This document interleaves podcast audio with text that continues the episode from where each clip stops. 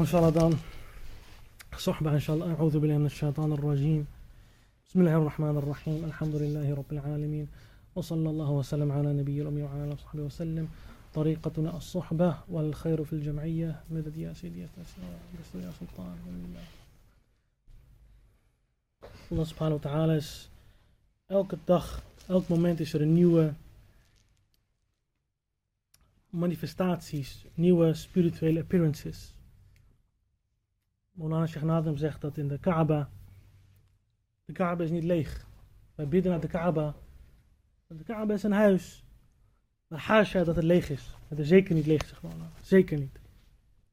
En in de Kaaba is spirituele kleding voor jouw ziel. Veel kleding voor jouw ziel. En hoe mooi is het, zegt Molana, als je opstaat in de ochtend. En je doet sujud en je bidt voor Allah subhanahu wa ta'ala. En je zegt, Allah, geef mij het, het kledingstuk van ubudiyya. Van dienaarschap. Thawb al-ubudiyya. Oh Allah, geef het aan mij. Hij zegt, hoe mooi is het? En hoe mooi is het als Allah dat elke dag voor jou vernieuwt. Hoe je voelt als je nieuwe kleding draagt. Vroeger keken wij naar, uh, zoals op televisie, rijke mensen zeggen, ja, ik krijg elke dag nieuwe sokken. Nieuwe sokken. Ik kan open doen en het helemaal vers. Nieuw t-shirt, elke dag. Nooit gewassen, nooit twee keer. Dat is natuurlijk extravagant en israaf. Maar voor het hart en voor de ziel is ook kleding. En zo zag imam Shadri radiallahu anhu, hij zag een keer de, de profeet sallallahu alayhi wa sallam in een droom. Rasulullah sallallahu alayhi wa sallam zei tegen hem, Tahir thawbaka min kulli danas. Maak jouw kleding schoon van iedere onreinheid. En dan krijg je medat van Allah fi kulli nafas. Met iedere adem krijg je nieuwe kracht van Allah subhanahu wa ta'ala. En kijk de vraag van imam Shadili, Allahu Akbar. Hij zegt, wat is mijn kleding, ja Rasulullah? Wat is mijn kleding? En toen heeft Rasulullah sallallahu alayhi wa sallam uitgelegd wat de kleding is. Want Allah zegt in de Koran, in Surah Muddathir, أعوذ بالله من الشيطان الرجيم بسم الله الرحمن الرحيم يا أيها المدثر قم فأنذر وربك فكبر وثيابك فطهر Oh jij die, uh, oh Mudathir, sta op en verkondig. Warabbaka fakabbir en uh, zich uh, groot verklaren. Dus Allahu Akbar zeggen van jouw Heer. En reinig jouw kledingstuk. Dat betekent uiterlijk gezien natuurlijk dat je schone kleding draagt. Maar Imam Shadili vraagt aan Rasulullah, wat is jouw kledingstuk? En dan zegt de profeet sallallahu alayhi wa sallam, Allah subhanahu wa ta'ala heeft jou meerdere soorten kleding gegeven. Hij heeft jou kledingstuk van mahabba gegeven, van liefde. Allemaal in jouw hart. En een kledingstuk van iman. En van spirituele kennis, van ma'rifa. Van tawhid, van eenheid. En allemaal soorten kennis. En dat is waar wij een sheikh voor nodig hebben. Om onszelf schoon te maken. De uiterlijke schoonheid. Want de kleding is niet heel moeilijk. En mashallah, je hebt mensen met hele mooie kleding. En Imam al-Ghazali waarschuwt hiervoor. Hij zegt, mashallah, tegenwoordig zegt hij, als je naar de mensen kijkt, en de mensen die de religie verkondigen, ze zijn bijna ijdel met hun kleding. Het moet allemaal netjes zitten, en het moet allemaal perfect zitten, en de kleding is zo precies, en het is, hij zegt, zoveel aandacht voor de buitenkant, maar geen aandacht voor de binnenkant. Wat een hypocrisie. Hij zegt aan de binnenkant is er ijdelheid, hebzucht, hoogmoed, afgunst, al die dingen. Maar als je naar de Sahaba kijkt, hoe was hun reinheid, uiterlijke reinheid? In één overlevering, Sahaba, in Imam al-Ghazali beschrijft dit. En over Imam al-Ghazali heeft Maulana Sheikh Nadim gezegd, als na de Koran en de Hadith alle islamitische boeken verloren zouden zijn, alle islamitische boeken. Maar je had alleen Ihya Ulumuddin van Imam al-Ghazali, zou het genoeg zijn. Dus om aan te geven het belang. Maar hij zegt de Sahaba, hoe zij waren, ze waren eten aan het eten, maar ze, ze aten um, het vet van vlees. Dat aten ze met hun handen. En je kan je voorstellen, dat plakt op je handen natuurlijk. Plakt. En als het tijd voor het gebed was, wat deden ze? Hand eronder, één keer zo afvegen, laat gebed toe. Galas. Want de sharia is het rein. Vet van een dier is niet onrein. Dus de Sahaba hadden hele, andere ideeën. Hele andere ideeën van wat reinheid is.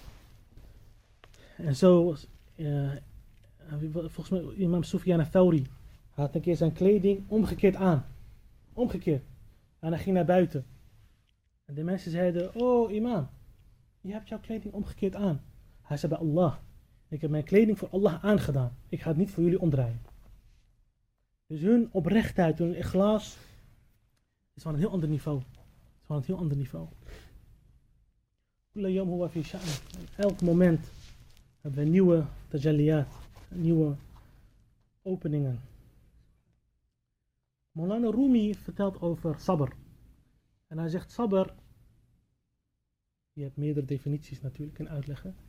Maar een van de definities, zijn uitleg is, als je een zaadje ziet, dat je niet het zaadje ziet, niet ziet hoe het zaadje kan groeien, niet de boom, maar dat je de vrucht ziet. Je ziet het resultaat. Je ziet de, niet, je ziet de potentie geactualiseerd. Je ziet het zaadje, maar je ziet de vrucht. En zo zegt Molana Sheikh Nazim dat het doel, wat is het doel van dit alles? Ze zeggen dat het doel van openbaring is om de usul al-aqa'i te leren. Onze geloofsovertuiging. Wat geloof over Allah. Allah is niet boven, Allah heeft geen plaats, Allah is niet als de mens. Over de profeten. Dat de profeet sallallahu zonderloos is, dat ze levend zijn, dat ze geen fouten maken. Over de engelen, dat de engelen niet zondig, dat ze puur zijn. Over het qadr, dat alles is geschreven. En ahkam tashri' de regels om Allah te aanbidden, om bij Allah te komen. Maar dan, wat is het doel? Molana zegt, het doel is om perfecte gemeenschappen te creëren. Dat is het doel. Perfect communities. En perfect communities is, als je kijkt in de islamitische geschiedenis, dan heb je één stad vol met Allah. Want dat is wat een perfecte gemeenschap is. Mensen die met Allah zijn. Mensen die saint zijn, saint, heilig zijn. En heilig is dat ze beschermd zijn van shaitaan. Alleen shaitaan haat dat.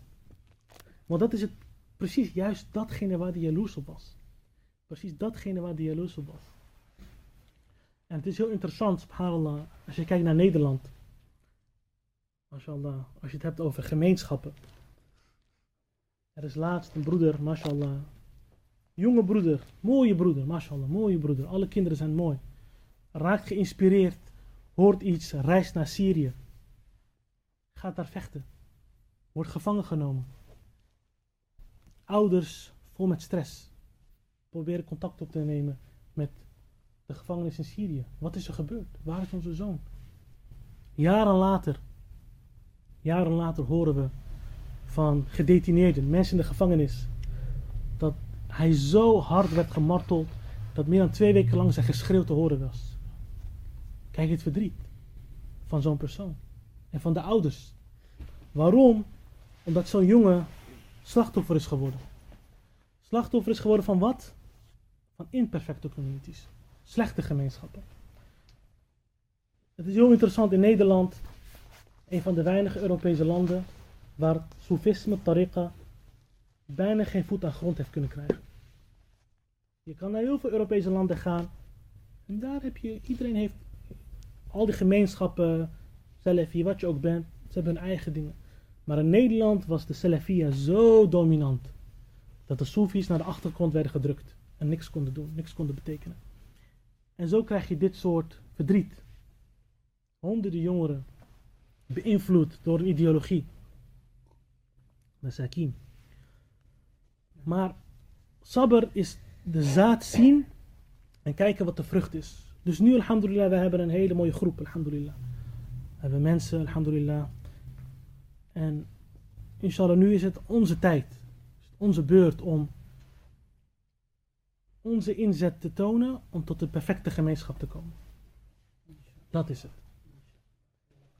En dat is, inshallah, als wij straks kinderen hebben. Want als wij het niet doen, wat gaat er met onze kinderen gebeuren? Dan gaan, dan gaan we naar iedereen vragen: broeder, kan je mijn kind een beetje islam leren? Huilen bij die imam: oh, mijn zoon, mijn zoon of mijn dochter is met die en die gegaan. Hij, hij luistert niet meer naar mij. Hij zegt dat een sheikh volgens shirk is. Hij zegt dat dit dit is. Hij zegt dat dhikr niet mag. Hij zegt, hij zegt wij zijn geen gelovigen. Dan hebben we een probleem.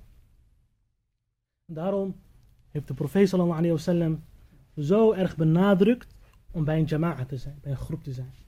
En in dat kader wil ik een, een hadith met jullie delen van de profeet sallallahu alayhi die hier iets heel belangrijks over zegt.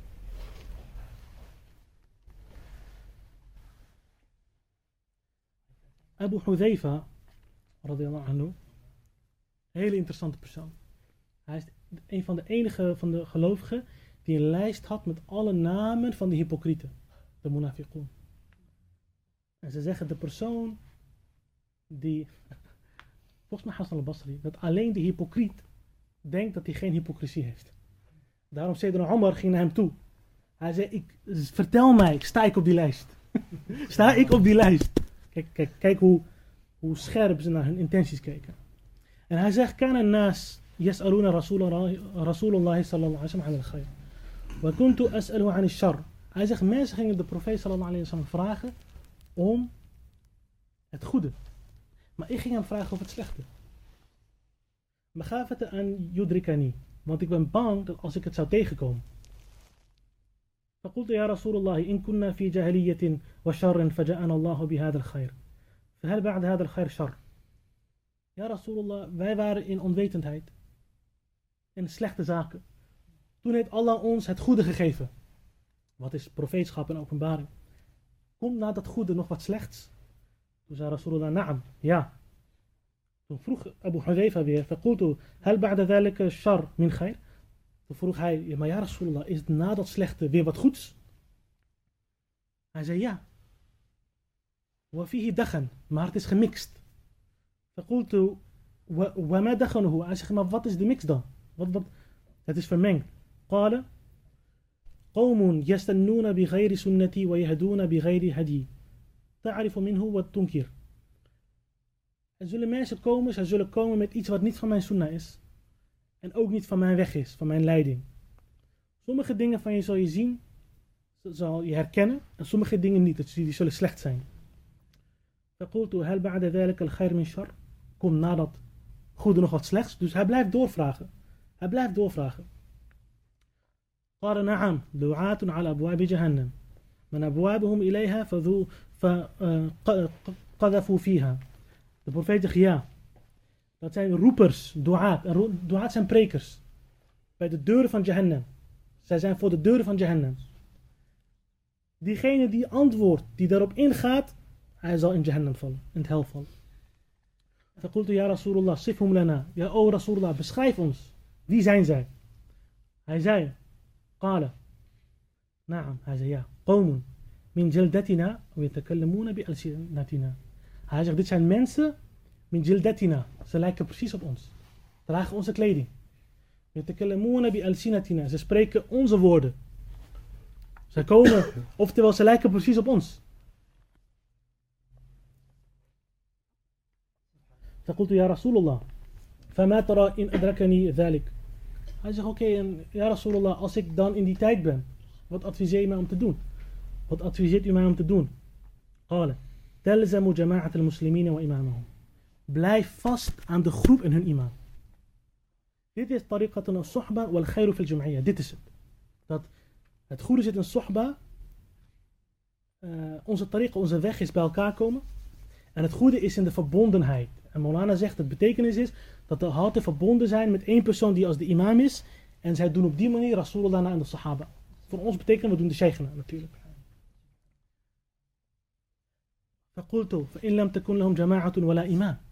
maar wat als en dit is waarom ik dit lees waarom, wat als er geen groep is en geen imam dit is een probleem want je gaat van jama'a naar geen jama'a dat is een van de grootste fitna's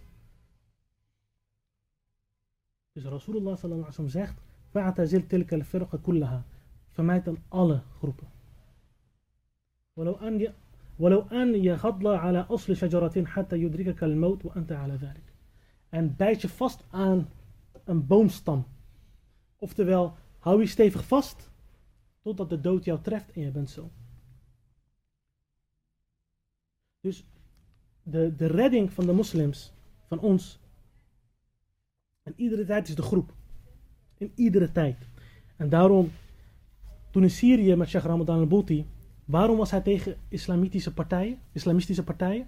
Hij zegt, want als wij onderling fitna hebben, komt de vijand van buiten en die maakt ons kapot. Wat is gebeurd? Dit is, dit is waar hij voor waarschuwde. Daar was hij tegen. En dat is waarom in de islam rebellie is niet toegestaan. Een van de grootste, grootste bestraffingen is op degene die rebels tegen de imam. Een van de grootste. Zelfs in de Koran is een ayah. Deze mensen, en de, de ulama leggen het uit, hun ledematen is een probleem. is een heel groot probleem. En ze hebben categorieën. Sommige, en dit gaat om een islamitische staat, hè. Sommigen rebelleren met een wapen. Sommigen met ideeën. Sommigen met woorden. Maar dit is allemaal omdat de islam wil perfecte gemeenschappen krijgen en willen, wil reinheid houden. Een reine manier van leven. Eén keer, uh, Al-Mu'tasim Billah, een van de khalifa's, hij had een Arabi, een Bedouine. En die Bedouine was heel goed met de khalifa. Maar hij is een nobody. Gewoon van de, van de desert. En de khalifa praat met hem, de khalifa mag hem. Hij heeft een hele mooie band, hij geeft hem geschenken. En dan was een minister, die kon daar niet tegen. Hij kon daar niet tegen. Maar hoe kan deze nobody zo'n positie krijgen? Dus hij, hij zei, ik, heb, ik ga iets bedenken. Hij zegt, ik nodig deze wazir uit, of deze, de, deze Bedouine, bij mij thuis.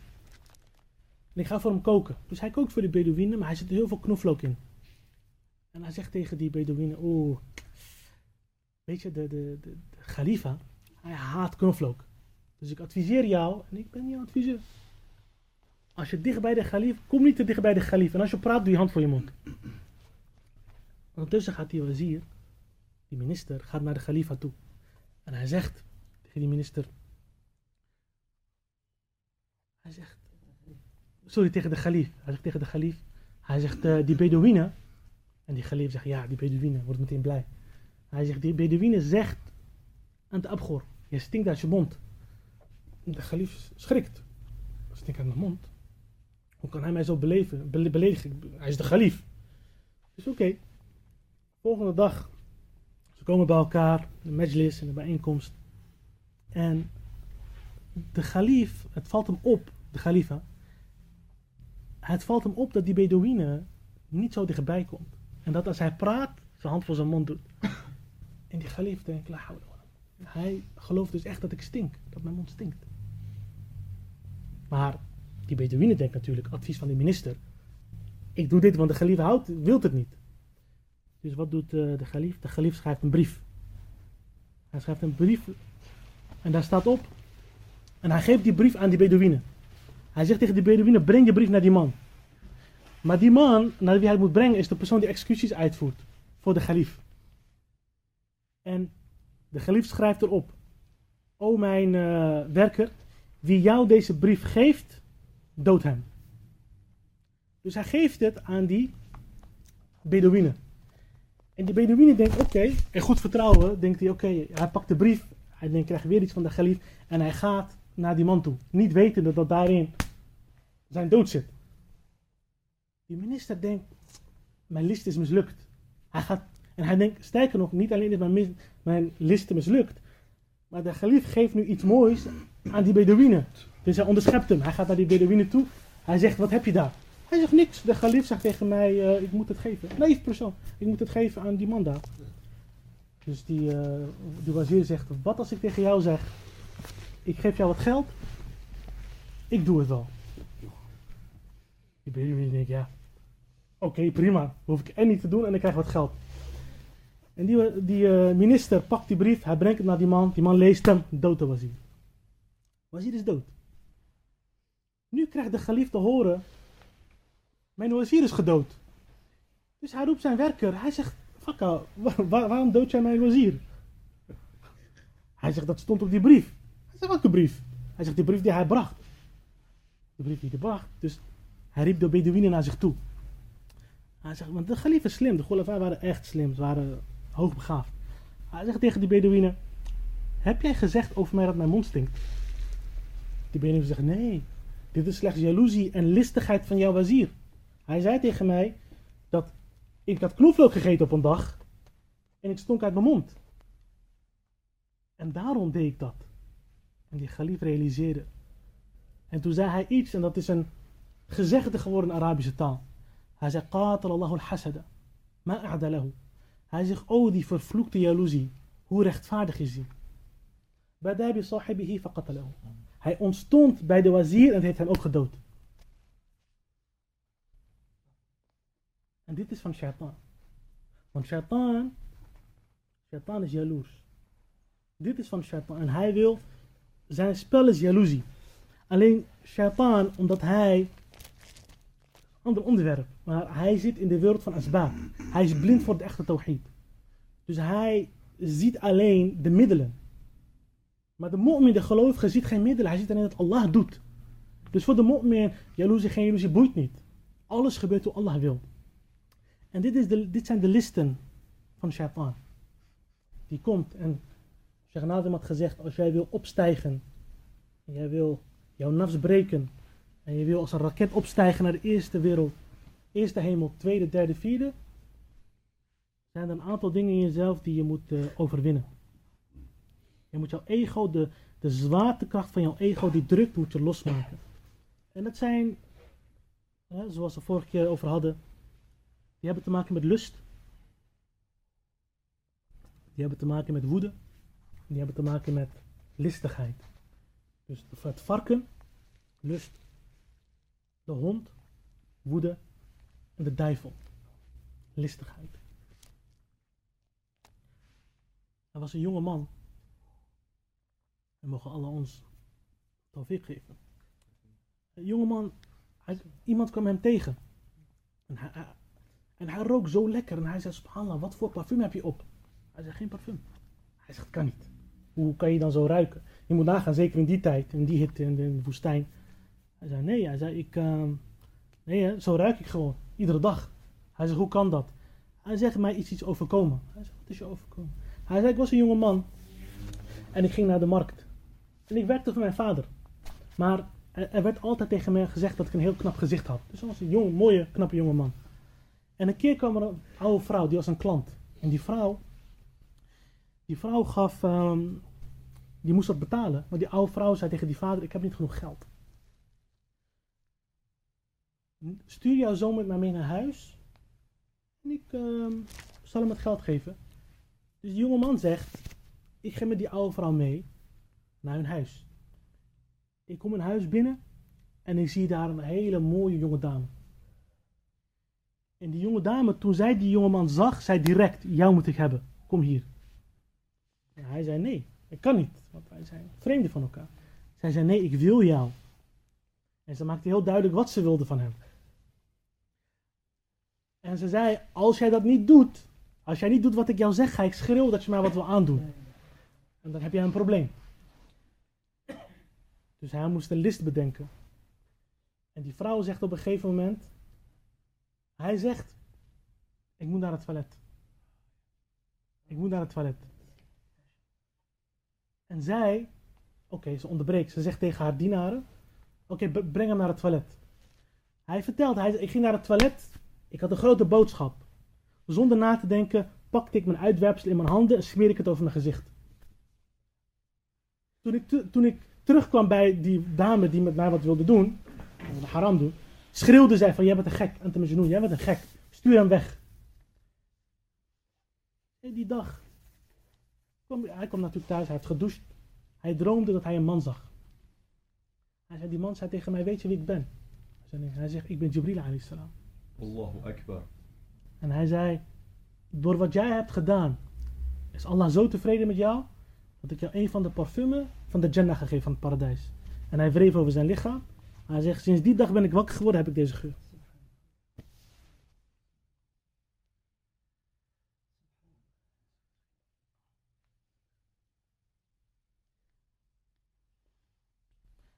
Ja. Dus het zijn de drie. Het zijn drie. Lust, woede en listigheid. Dit zijn de drie dingen. En diegene die deze drie overwint is Amir. Is een leider over zichzelf. Dat is de echte Amir.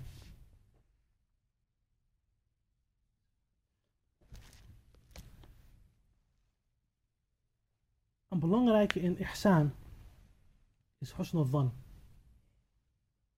Wij willen husn van doen. Tasawuf, een van de belangrijkste pilaren is husn van. En husn van heeft regels in sharia. Husn van is op het moment dat iemand iets doet, en jij kan het op twee manieren interpreteren, verplicht de sharia jou het om een goede manier te interpreteren. Een goede manier te interpreteren. De eigenschap, want de profeet sallallahu alayhi zei, je moet de, de, jullie imam altijd volgen, jullie leider. Behalve als hij duidelijke koffer doet, koffer bewaar, bij duidelijke koffer dan. Wat doen de Khawarij, de mensen die, die rebelleren? Zij hebben hun, zij hebben ta'wil wat ze noemen. De, de met ta'wil. Zij interpreteren bepaalde gebeurtenissen. Maar, en dit is hoe de sharia reinheid geeft, subhanallah, hoe de, de deuren voor shaitan dicht doet. Wanneer je iets ziet wat je niet begrijpt, en je kan het op twee manieren interpreteren, goed en slecht, moet je het goed interpreteren. Moet. Als ik variatie met een vrouw buiten, kan het twee dingen betekenen. Het kan of iemand zijn met wie hij mag trouwen, dus een vreemde vrouw, of niet, zoals een familielid, dan heb je eigenlijk ook een derde, zijn vrouw. De, de, de, de shaitaan, iemand die met shaitaan is, die gaat denken, oh, wat zou ik daarop staan met een rare vrouw zeg? Dat is raar. De mu'min denkt nee. Misschien is zijn zus of zusje. En daarom zeggen de awliya Allah, sommige van de sjoeg zeggen dat ze meer dan misschien 90 zonden zien bij een persoon, maar voor iedere zonde een excuus hebben. Omdat ze op twee manieren kunnen interpreteren. En zo is iedereen, ieders horma, ieders heiligheid is veilig. Ieders eer is veilig. En dat is belangrijk. Inshallah. Om op die manier, want alleen door onszelf schoon te maken, kunnen wij het werk van Maulana doen. Dat is de enige manier. De enige manier. De enige manier om, de, om een jama'a te zijn, niet voor ons. Mashallah, wij hebben nu, alhamdulillah, wij gaan naar Duitsland, we hebben Sheikh Hassan, alhamdulillah. We gaan hem een lang leven geven. Amen. Hoe zal het over tien jaar zijn? Stel dat Sheikh Hassan er niet meer is, dan wat? Waar gaan we dan? Dan kan je zeggen, ja, alhamdulillah, er zullen andere mensen zijn. Klopt. Er zullen andere mensen zijn. Maar hoe zit het met de mensen hier? Den Haag, in Nederland. Rasulullah zorg was ummati ummati, mijn gemeenschap. Mijn gemeenschap. Wat tuwakiruhu. Dat je de profeet sallallahu alaihi eert, vereert en hem helpt. En dat is wat hij probeert te doen. Hij probeert het werk van Maulana te doen. Maulana Sheikh Navi met het werk wat hij heeft gedaan. Allahu Akbar, in zijn tijd is ongelooflijk. Vooral in die tijd, het verspreiden van de islam onder die omstandigheden. Echt in het hoogtepunt van atheïsme, van dwaling, materialisme. Materialisme stond Maulana als een pilaar. De persoon die azan gaf in Turkije en daarvoor naar de gevangenis moest, dat is Maulana. En de laatste persoon die het deed. Radiyallahu anhu. En dat is de weg. Nu shaitan pakt iedereen overal. Agro zaman, het is, het is ongelooflijk. En als wij, als ik niet aan mijzelf werk, werk, val ik ook. En dat is waarom we hier zijn. Nog Allah ons vergeven, ons tawfiq geven. Helpen om, uh, om te, te praktiseren wat we zeggen. Vooral ikzelf, want ik praat. Dit is een hele belangrijke, heel belangrijk onderwerp. Heel belangrijk onderwerp waar in Nederland nogmaals, geen enkele van de Sofi Tariqa heeft daadwerkelijk echt voet aan grond gekregen. Geen één. En er komt een moment, inshallah, en dit is geen, wala fakhr, dit is geen opscheppen. Maulana Sheikh Mohammed had gezegd over onze groep, it's going to be a special group. Hij heeft het gezegd. Er komt een moment dat vijanden van buiten gaan komen. Je hebt de vijanden van binnen en de vijanden van buiten. En daarover zegt Sayyidina Omar, maar daar gaan we het inshallah in de toekomst meer over hebben. Hij zegt tegen de leider van de Jaish. Hij zegt, vrees jullie eigen zondes meer dan jullie vijand. Hij zegt het tegen leger. Vrees je eigen zondes meer. Want door jullie zondigheid ga je niet kunnen winnen van je vijand. Want het is alleen door de zondigheid van je vijand aan Allah dat je wint. Niet door je eigen voorbereiding, niet door je kracht, niet door niks. Wij zijn niks. Wij zijn 0,0. Zero. We mogen ons tawfiq geven, ons vergeven. بحرمة الحبيب وحرمة الفاتحة